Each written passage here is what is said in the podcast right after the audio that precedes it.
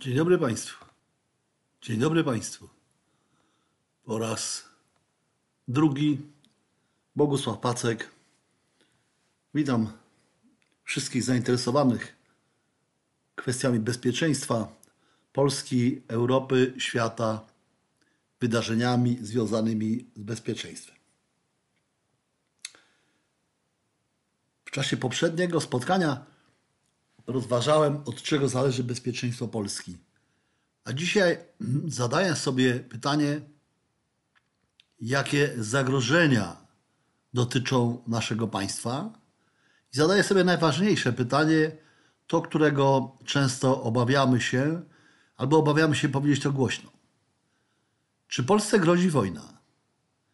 Czy w roku 2021 dzieje się wokół nas coś takiego, co upoważnia do takiego stwierdzenia, że zagrożenie wojenne jest po pierwsze możliwe, po drugie uwarunkowania związane z bezpieczeństwem Europy wskazują na to, że taki konflikt może mieć miejsce w ciągu najbliższych kilku, kilkunastu lat. Jak mówimy o zagrożeniach, to zastanawiamy się, kto nam grozi.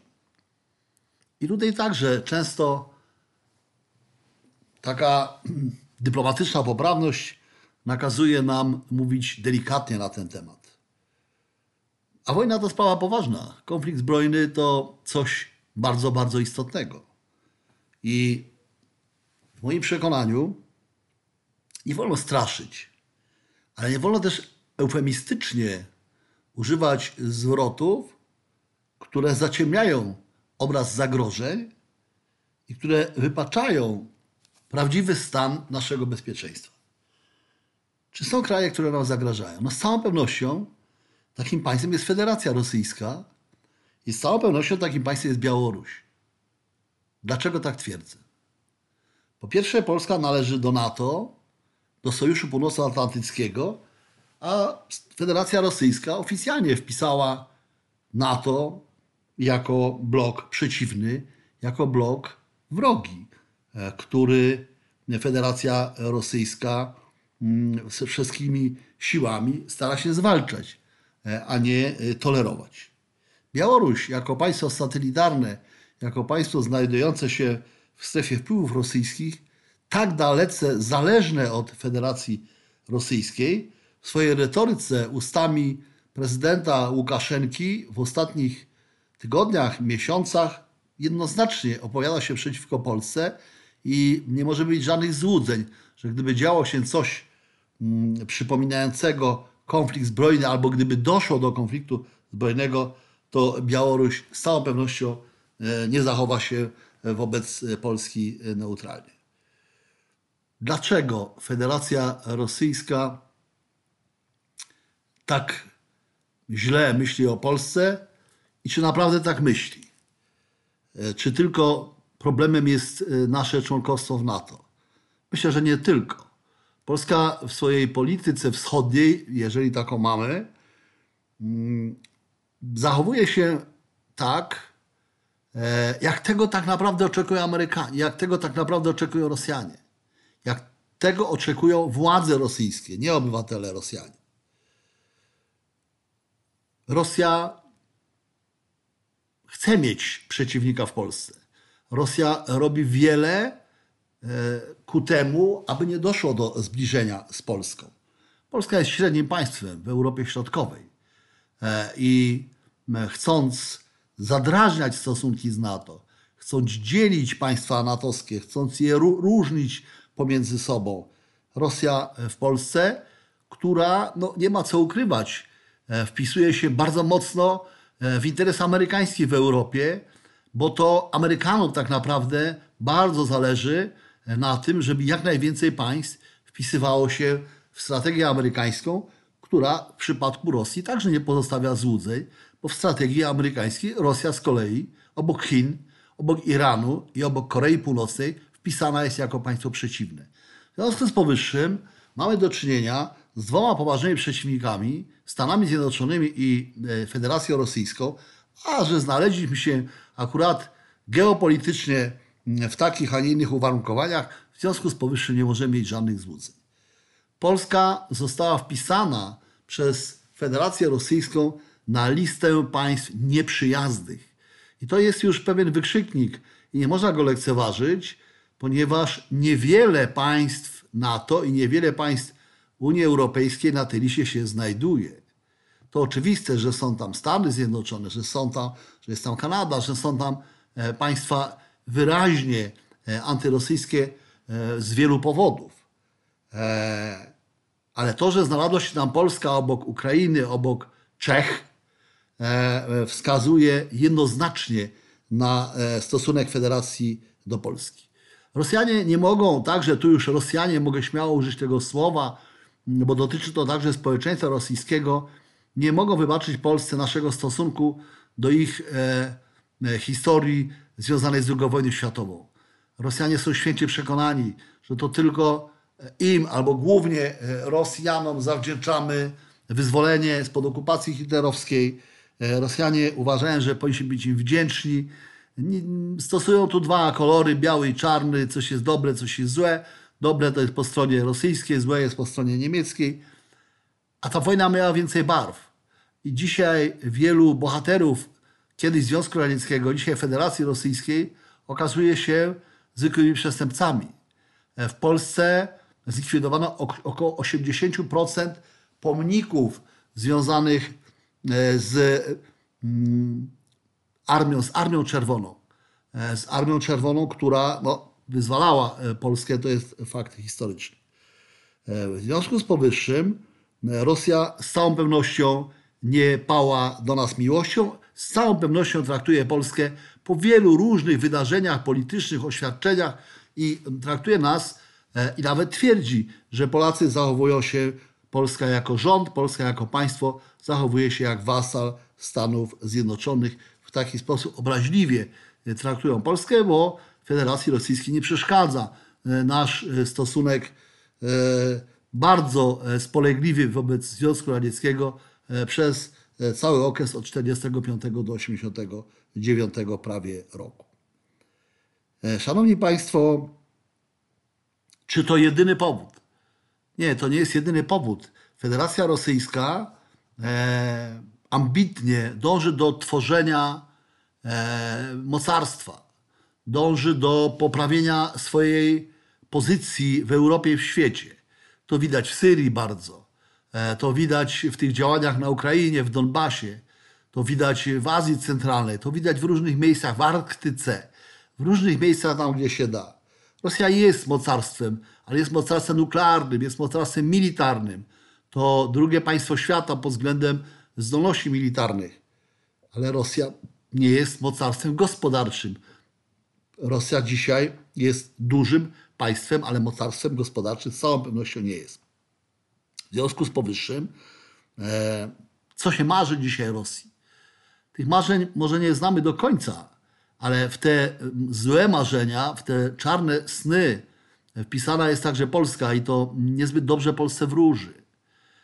Rosja zdaje sobie sprawę z tego, że Europa może mieć problem.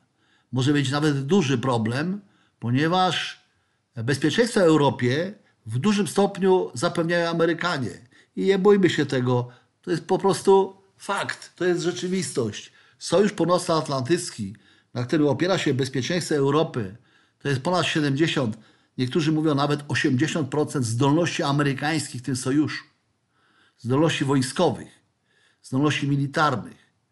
E, Stany Zjednoczone uwikłane w rywalizację, a tak naprawdę w zimną wojnę z Chinami, coraz bardziej muszą myśleć o możliwym konflikcie na terenie kontynentu azjatyckiego, na Pacyfiku, na Morzu Południowochińskim.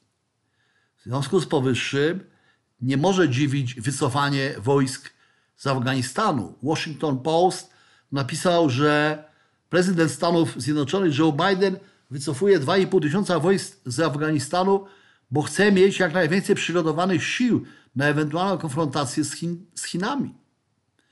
Dzisiaj Amerykanie mają wpisanych czterech przeciwników, Iran i Koreę Północną także.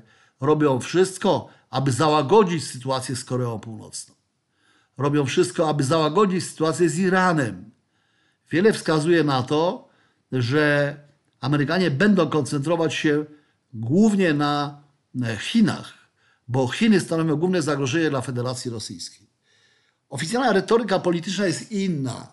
Joe Biden twierdzi, że e, obydwa te państwa, państwa przeciwne, tego Biden nie ukrywa, i Chiny, i Federacja Rosyjska są traktowane e, w sposób e, taki sam. Brzmi to jak zapewnienie Europy, że was nie zostawimy. Ale nigdy nie mów nigdy. E, bliższa ciału koszula niż Sukmana i dla Stanów Zjednoczonych najważniejsze jednak są Chiny.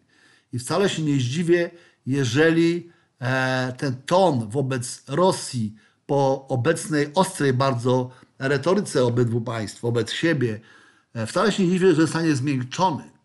Proszę zauważyć, że krytykowany tak bardzo Donald Trump, poprzedni prezydent, zapowiedział wycofanie wojsk z Niemiec. To jest kluczowa sprawa dla bezpieczeństwa Europy, bo my tu w Europie potrzebujemy na wypadek konfliktu szybkiego przerzutu wojsk amerykańskich.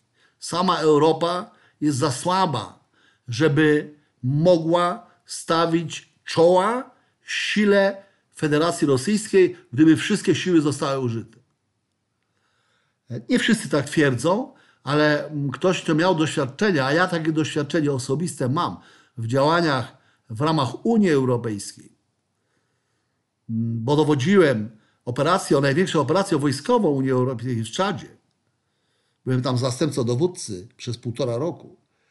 To to doświadczenie i wiele innych wskazuje na to, że bez Amerykanów w Europie może być krucho. I to oznacza, że Amerykanie dobrze o tym wiedzą, dlatego są tak pewni siebie. I Rosjanie też dobrze o tym wiedzą. Ale gdyby się tak zdarzyło, że jednak Stany Zjednoczone będą kontynuować politykę Donalda Trumpa, który zapowiedział wycofanie wojsk. A co zrobił Joe Biden? A Joe Biden lekko tylko to zmiękczył, ale tak naprawdę niedużo zmienił e, w swoich decyzjach e, i wojska amerykańskie w znacznym stopniu będą wycofane. Co się dzieje w Polsce z wojskami amerykańskimi? Jest dużo słów, jest dużo zapowiedzi. Amerykanie są w Polsce, ale czy będzie to się rozwijało, czy też będzie to wyhamowywane w jakiś sposób, zobaczymy. Oby Amerykanie nie wyszli z Europy i oby Amerykanie nie stracili ze swojego strategicznego e, spojrzenia, żeby nie stracili Europy. Ale gdyby jednak byli do tego zmuszeni przez Chiny, to może to być doskonała okazja dla Federacji Rosyjskiej do rozepchnięcia się w Europie. Federacja Rosyjska od dawna, e, jeszcze przed e, aneksją Krymu, robiła wiele, żeby poróżnić kraje NATO, e, szczególnie europejskie, żeby poróżnić kraje Unii Europejskiej, żeby doprowadzić do dysonansu między naszymi partnerami. I w dużym stopniu, przyznajmy to, Federacji Rosyjskiej to się udało. My dzisiaj i w Unii, i w NATO nie mówimy do końca tym samym językiem. Bardziej niż w latach poprzednich doszukujemy się własnych interesów, często różnimy się pod względem wartości. Oczywiście to nie jest dramat, to nie jest jakiś stan krytyczny, ale e, o pewnej skuteczności Federacji Rosyjskiej jednak możemy mówić. I gdyby tak było, że Władimir Putin będzie pewien, albo będzie widać z działania Amerykanów, że może być pewien, że Amerykanie nie przyjdą, bo nie będą mogli przyjść w odpowiednio, z odpowiednią siłą z pomocą e, Europie, to to także oznacza zagrożenie dla Polski. Stąd też na pytanie, czy Polacy powinni obawiać się wojny, odpowiadam nie, nie należy, nie należy się e, obawiać na poziomie strachu. Powiedziałbym jeszcze inaczej. Polacy tej wojny nie muszą się bać, ale trochę obawiać się jednak powinni i te obawy powinni przelewać w konkretne działania. Polskie, polska obronność, polskie bezpieczeństwo oparte na własnym potencjale oznacza mądrość działania. Oznacza kontynuację działań niezależnie od tego, kto zrobił cokolwiek dobrego. I nieważne z jakiej był partii. To jest polączka Rzeczypospolitej od 30 lat. Polska strategia bardzo często ma tyle lat, ile liczy kadencja partii, która przejmuje władzę. Przychodzi następna partia, zmienia wszystko od początku, wywraca, może nie do góry nogami, ale zmienia wiele projektów bardzo radykalnie. Idą pieniądze. Wojska Obrony Terytorialnej były budowane i rozwiązywane chyba już cztery razy. E, ściana wschodnia odtwarzana, likwidowana, ponownie odtwarzana. Teraz tworzymy flankę wschodnią, a przecież flanka wschodnia już była. Na wschodzie Europy, na wschodzie Polski mieliśmy rozwiniętą dywizję. Teraz tworzymy w jej miejsce tak naprawdę nową zupełnie od początku. To myślenie o zagrożeniu ze strony Federacji Rosyjskiej jest ważne przede wszystkim dla państw położonych w Europie Środkowo-Wschodniej. Europa Zachodnia nie myśli takimi kategoriami. Tak nie myśli Francja, tak nie myślą Niemcy, tak nie myślą Włosi, tak nie myślą Hiszpanie. I to jest ból. I to jest ból europejskiej części NATO, to jest ból także Unii Europejskiej. Ponieważ Sojusz Północnoatlantycki, kiedyś, kiedy powstawał w 1949 roku, to on powstawał ze względu na zagrożenie y, ze strony Związku Radzieckiego. Wtedy byliśmy jeszcze po tej samej stronie. Dzisiaj musimy sobie zdawać sprawę z tego, że jeżeli nawet mamy zagrożenie terroryzmem, jeżeli możemy mówić o zagrożeniach z migrantami, e, związanych z migrantami, jeżeli mamy ogromne zagrożenie związane z pandemią, bardzo istotne, cała Europa, cały świat, to jednak czymś innym jest to, o czym powinna myśleć Europa.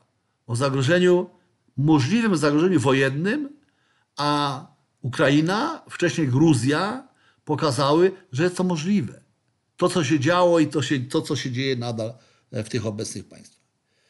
Proszę Państwa, czy Europa jest przygotowana do tego, żeby pomagać sobie wzajemnie? No w jakim stopniu oczywiście jest. Ale Europa od czasu powstania Sojuszu Północnoatlantyckiego e, zdecydowała, powierzyła swoje bezpieczeństwo NATO. Taka jest prawda. I dzisiaj niezależnie od wielu wysiłków, od tego, co jest propozycją struktury PESCO, od tego, co jest propozycją e, wcześniej Polic and Sharing z 2011 roku, to jest wszystko delikatne wzmacnianie. To jest głaskanie obronności, a nie radykalna jej poprawa. Stąd też dobrze, że zadajemy sobie takie pytanie. Czy grozi Polsce wojna? Jeżeli odpowiadamy, nie, dzisiaj nam nie grozi wojna, ale ona jest możliwa w Europie. I dlatego obawiamy się tej wojny i staramy się zrobić wszystko, żeby do niej nie doszło, a gdyby mogło dojść, żebyśmy do niej byli przygotowani. I my musimy sobie zdawać sprawę z tego. Mając najlepszym z możliwych sojuszów ze Stanami Zjednoczonymi, że na przybycie Amerykanów, aby weszli do pełnowymiarowego działania w ramach konfliktu w Europie, to, to potrzeba miesiąc albo nawet dwa miesiące. I na dodatek to wejście musi odbyć się z udziałem sił niemieckich, bo tylko w Niemczech są odpowiednie porty, bazy i przygotowana infrastruktura do przyjęcia dużych sił amerykańskich. W Polsce to jest tworzone i dobrze, że to się dzieje. Ale to wszystko jeszcze wymaga czasu. Polski system obrony narodowej doskonalony, miejmy nadzieję, że z mniejszymi rewolucjami w przyszłości nie jest wystarczająco silny i nigdy nie będzie, bo Polska jest średnim państwem, by mógł stanąć naprzeciwko jak równy z równym wobec Federacji Rosyjskiej, a być może wspólnie Federacji Rosyjskiej i jeszcze Białorusi, e, z tym wszystkim, co mamy i co możemy mieć. W związku z powyższym, my w Polsce musimy sobie zdawać sprawę z tego, że może bardziej niż wielu innym, to Polakom i jeszcze państwom w tej części Europy przede wszystkim musi zależeć i sądzę, że zależy na silnym NATO i na silnej Unii Europejskiej. Bo dzisiaj obronność to jest także potencjał gospodarczy państwa. I sankcje gospodarcze Unii Europejskiej e, po tym, co się działo na Krymie i w Donbasie, były dla Federacji Rosyjskiej bardziej dotkliwe niż ćwiczenia wojsk NATO. W związku z powyższym jedno drugie jest istotne. Czy obawiając się ewentualnego konfliktu zbrojnego, czy robimy wszystko, aby mm, rzeczywiście być przygotowanym na najgorsze i aby nie dopuścić do tego, czego się obawiamy. Zawsze występuje jakiś niedosyt. Ja tu nie mam szczególnie krytycznego zdania e, i nie będę uciekał w retorykę polityczną, że jedni robią wszystko dobrze, a inni robią wszystko źle, bo tak nie jest. Wszyscy popełniają błędy, jedni większe, drudzy mniejsze. I rzecz obecnie nie polega na tym, żeby wytykać sobie błędy, ale żeby zrobić parę rzeczy, które są ogromnie istotne i które są ważne do tego, abyśmy mogli sobie udzielić odpowiedzi: OK, obawiamy się wojny, ale się jej nie boimy, bo mądrze postępujemy, mądrze rozbudowujemy e, swój system obronny, dobrze działamy w Sojuszu Północnoatlantyckim, wspieramy Unię Europejską i jej obronność, działamy dobrze jeszcze w ramach OBWE i w ONZ. Jak to jest naprawdę? Jakie są nasze działania obronne i jakie są nasze działania w ramach NATO? Jakie są działania na rzecz obronności i bezpieczeństwa w ramach Unii Europejskiej? Dzisiaj te pytania proszę potraktować jako retoryczne. Samemu sobie może na nie odpowiedzieć, a kiedyś do nich jeszcze wrócimy. To ważne, aby Polska sprostała temu ogromnie istotnemu wyzwaniu, wyzwaniu związanemu e, z zagrożeniem wojennym i to ważne, aby te trzy główne sprawy. Własny stan, stan własnej obronności, pozycja w NATO, pozycja w Unii Europejskiej, no i te racje sąsiedzkie, żeby były realizowane na odpowiednim poziomie, bo dzisiaj Federacja Rosyjska zachowuje się coraz bardziej agresywnie. Jeżeli kiedykolwiek był dogodny moment dla Federacji Rosyjskiej do wzniecenia konfliktu, to ten moment zbliża się i wiele wskazuje na to, że w najbliższych latach ta sytuacja może być jeszcze bardziej dogodna dla Federacji Rosyjskiej, która długo jeszcze nie zrezygnuje, z Białorusi, nie zrezygnuje z Ukrainy, będzie robiła wszystko, aby ją osłabiać, żeby Ukraina wróciła. I proszę Państwa, powiedzmy sobie szczerze, ta niestabilna Ukraina może także być zagrożeniem dla Polski. Dzisiaj cieszymy się, że Ukraina opowiada się za tymi samymi wartościami, za którymi myśmy się już dawno opowiedzieli, że Ukraina jako nasz sąsiad będzie, oby była w tym samym sojuszu, że będzie buforem między nami a Rosją, ale tak wcale nie, nie musi być, bo wiele państw robi sporo, żeby Ukraina niekoniecznie szybko wstąpiła do NATO. I my musimy sobie zdawać sprawę z tego, że Ukraińcy są zmęczeni, że przed nimi kolejne wybory i kolejne wybory. I może tak przyjść, że Majdan, który nie przyniósł tego, e, czego spodziewali się i o czym marzyli Ukraińcy, może zakończyć się nowym Majdanem, bo Ukraińcy są już zmęczeni wewnętrzną korupcją, nepotyzmem, biedą, złym poziomem życia i długotrwającym konfliktem w Donbasie, ale także czekaniem. Czekaniem na ten wymarzony Zachód, który wcale się nie przybliża, a niektórzy wręcz widzą, że momentami oddala się od tego, co było marzeniem Ukrainy. To także powód do zmartwienia dla Polski, ponieważ niestabilna Ukraina, która po kolejnych wyborach mogłaby przejść zgodnie z oczekiwaniem Federacji Rosyjskiej pod jej kuratelę, tworząc to, co chce stworzyć Federacja Rosyjska, silny Związek Euroazjatycki, ta sama Ukraina, dziś przyjazna, może stanowić problem dla bezpieczeństwa Polski.